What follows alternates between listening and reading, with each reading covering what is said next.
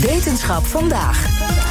Van eh, kantoorbaan tot topsport. Iedereen krijgt wel eens te maken met stress. En in onze samenleving wordt er bijna non-stop een beroep gedaan op ons eigen stresssysteem.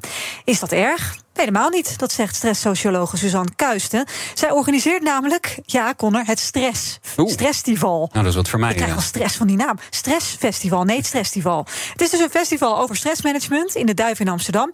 En onze verslaggever Michal van der Toorn die ging daar waarschijnlijk helemaal zen. Eens even een kijkje nemen. Suzanne Kuisten, stresssociologe en organisator van het Stressfestival in de Duif. We staan hier onder het orgel. Waarom heb je voor deze locatie uh, ja, kijk, gekozen? Heen, een prachtige locatie. Wat mij betreft is dit echt een plek van bezinning. Om even te reflecteren, hoe doen we het nou met z'n allen, dat stressmanagement? Ja, en daar hebben we vier geweldige sprekers voor. Onder professor Christian Vinkers, Gregory Sedok en Lucia Rijker. Ja, en we gaan dus vandaag alles ontdekken over stress. Want leg mij eens uit, stress is toch eigenlijk slecht? Ja, dat uh, denken heel veel mensen. Stress staat in het verdomhoekje. Ik zeg wel, stress heeft een imagoprobleem. Want in beginsel is stress een heel nuttig mechanisme. En waarom? Omdat het zorgt voor heel veel geactiveerde energie. En dat wordt niet alleen maar ingezet als je in een soort van paniekstaat bent. Maar ook nu, nu wij dit interview hebben, hebben we licht verhoogde spiegels van energie. Nou, en daar zorgt ons stresssysteem voor. Dat is een hele grote energieregulator. Dus vandaar onze oproep. Stress is goed, maar je hebt wel goed voor dat systeem te zorgen. Als je het overbelast uitput het is geen all-you-can-eat buffet waar je maar eindeloos van kan plukken. Na gebruik weer aanvullen. Deze editie gaat over organisaties. Wat kun je als werkgever nou doen om het goede uit stress te halen? Nou ja, Theo Compernolle zei het ooit al. Zonder stress zou niemand van ons ooit iets wezenlijks gepresteerd hebben. Het maakt dat we goed kunnen focussen, goed kunnen presteren, van alles voor elkaar kunnen krijgen. Dus dan is stress goed. Het wordt niet meer zo goed als je te weinig herstelt en allerlei stressklachten gaat ontwikkelen. Ja, en dan neemt je slagkracht af. Uh, je zelfvertrouwen neemt af. Je productiviteit neemt af. Vitaliteit neemt af. Het enige wat eigenlijk toeneemt is je negativiteit. Ja. Dus en uh, Christian Vinkers kan mij straks misschien vertellen wat werkgevers dan kunnen doen om die lijn te bewaken. Ik denk dat Christian Vinkers daar een hele hoop over gaat zeggen. En ook iets gaat vertellen over het fenomeen burn-out überhaupt. Mm, want een burn-out, dat klinkt toch wel als een vorm van stress die je misschien niet wil hebben. Helemaal mee eens. Stress, hè, nogmaals, is in beginsel een nuttig mechanisme, maar na gebruik weer aanvullen. Hè, dus je moet voldoende herstellen. Als je dat niet doet, ja, dan kom je in de modus van de chronische stress. En dat wil je niet hebben, want dan raken al je systemen op den duur heel erg ontregeld. Uh, zo ernstig zelfs dat je neurohormonaal uit balans bent. Nou, ik denk dat ik op zoek ga naar Christian Vinkers. Hallo, goedemiddag. Ik ben Christian Vinkers. Ik ben uh, psychiater en hoogleraar stress en veerkracht aan het uh, Amsterdam UMC. Hallo, goedemiddag. Stress is goed, leren we hier. Um, betekent dat ook dat werkgevers hun werknemers een beetje stress moeten geven? Nee, ik zou zeggen stress is onvermijdelijk. Uh, stress is eigenlijk goed en slecht tegelijkertijd. En iedereen die leeft of dingen doet, heeft te maken met stress. Dus je hebt er als mens maar mee zien te dealen.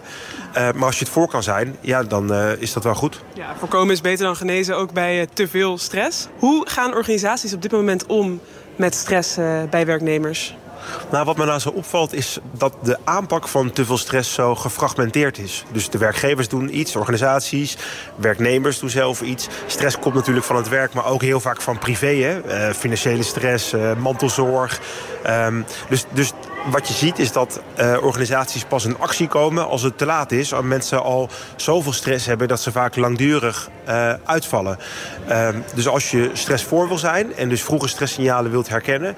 dan moet je echt als organisatie samen met de werknemer daar in een vroeg stadium iets aan doen. Ja, het is lastig te bepalen lijkt me wanneer stress nou goed is en wanneer het overgaat naar eigenlijk iets slechts. Of, uh, nou ja, u heeft een boek geschreven over burn-out, wanneer het in een burn-out verandert. Nou, ik, ik denk dat als mensen op een gegeven moment tegen grenzen aanlopen, als je te veel stress hebt, dus te heftige stress of, of chronische stress, dat je uh, op een gegeven moment als mens signalen krijgt van hé, hey, ik rode vlaggen, dat gaat niet meer goed. Ik slaap slecht, ik ben geprikkeld, buikpijn, hoofdpijn. Uh, en mensen hebben echt heel veel last van, maar hebben ongelooflijk weinig grip op burn-out. En zolang we dat niet aanpakken en die olifant in de kamer niet aanpakken... zullen we niet veel beter uh, gaan uh, presteren in Nederland. Gregory Sedok, Olympisch atleet en presentator van tv-programma Sportlab. Topsport en kantoorbaan, dat is toch niet te vergelijken? Nee, ik zie uh, eigenlijk wel een rode draad als je het hebt over presteren onder druk, mentale druk um, en, en stress. Als je kijkt naar mij als topatleet en mensen ook in het bedrijfsleven. Ik werk zelf in het bedrijfsleven nu, maar ik heb ook bij Defensie, bij de politie gewerkt. En dat werkt toch als, als, als rode draad. Althans, dat, dat is wat ik zie. Um, ik heb altijd moeten presteren onder druk. Daar kwam stress bij kijken. Natuurlijk wel eustressen, dus goede stress. Um, en als het niet liep, hè, als ik dus uit vorm was... ja, dan komt er toch wel distress bij kijken. En dat is dus ook wat je in het bedrijfsleven ziet. Uiteindelijk gaat het erom dat je ergens aan begint en iets moet opleveren. Bij mij was het dus, je begint aan een wedstrijd en je wilt die winnen. Ik kan me voorstellen dat als jij uh, begint aan een opdracht... Hè, binnen het bedrijfsleven of misschien wel aan een taak... dat je die goed wil volbrengen. Nou, daar heb je toch een stukje stress bij nodig. Hè, want stress heb je nodig om uiteindelijk te kunnen, te kunnen leven, maar ook te kunnen presteren. En, uh, en dat is dus duidelijk wat ik terugzie. Dat patroon tussen het presteren als topsporter... Hè, dus presteren onder druk... Of op hoog niveau, noem eens bijvoorbeeld een CEO of een manager... bijvoorbeeld die heel erg verantwoordelijk is voor iets in het bedrijfsleven. Uiteindelijk gaat het om het leveren van de prestatie. Of dat nou is op de atletiekbaan of dat er nou in het bedrijfsleven. Eigenlijk is dat wel hetzelfde. En u gaat zo meteen op het podium vertellen over uw burn-out. Wat is het belangrijkste dat u het publiek wil meegeven? Ja, als je het mij vraagt, denk ik dat je altijd op zoek moet gaan... naar de juiste balans van wanneer kan ik mijn stress inzetten hè, om te kunnen presteren. Maar wanneer moet ik het ook loslaten? Hè? Dus stel dat je bijvoorbeeld, eh, je moet die achtbaan in... en je hebt de keuze dat je zegt van ik wil dit echt niet... en ik wil huilend weglopen en het gaat niet en, uh, en ik wil dat niet. Misschien moet je dan ook gewoon niet in die achtbaan stappen. En, uh, en gewoon kijken. Dat is een bijdrage van onze verslaggever Michal van der Toorn. Hardlopen, dat is goed voor je.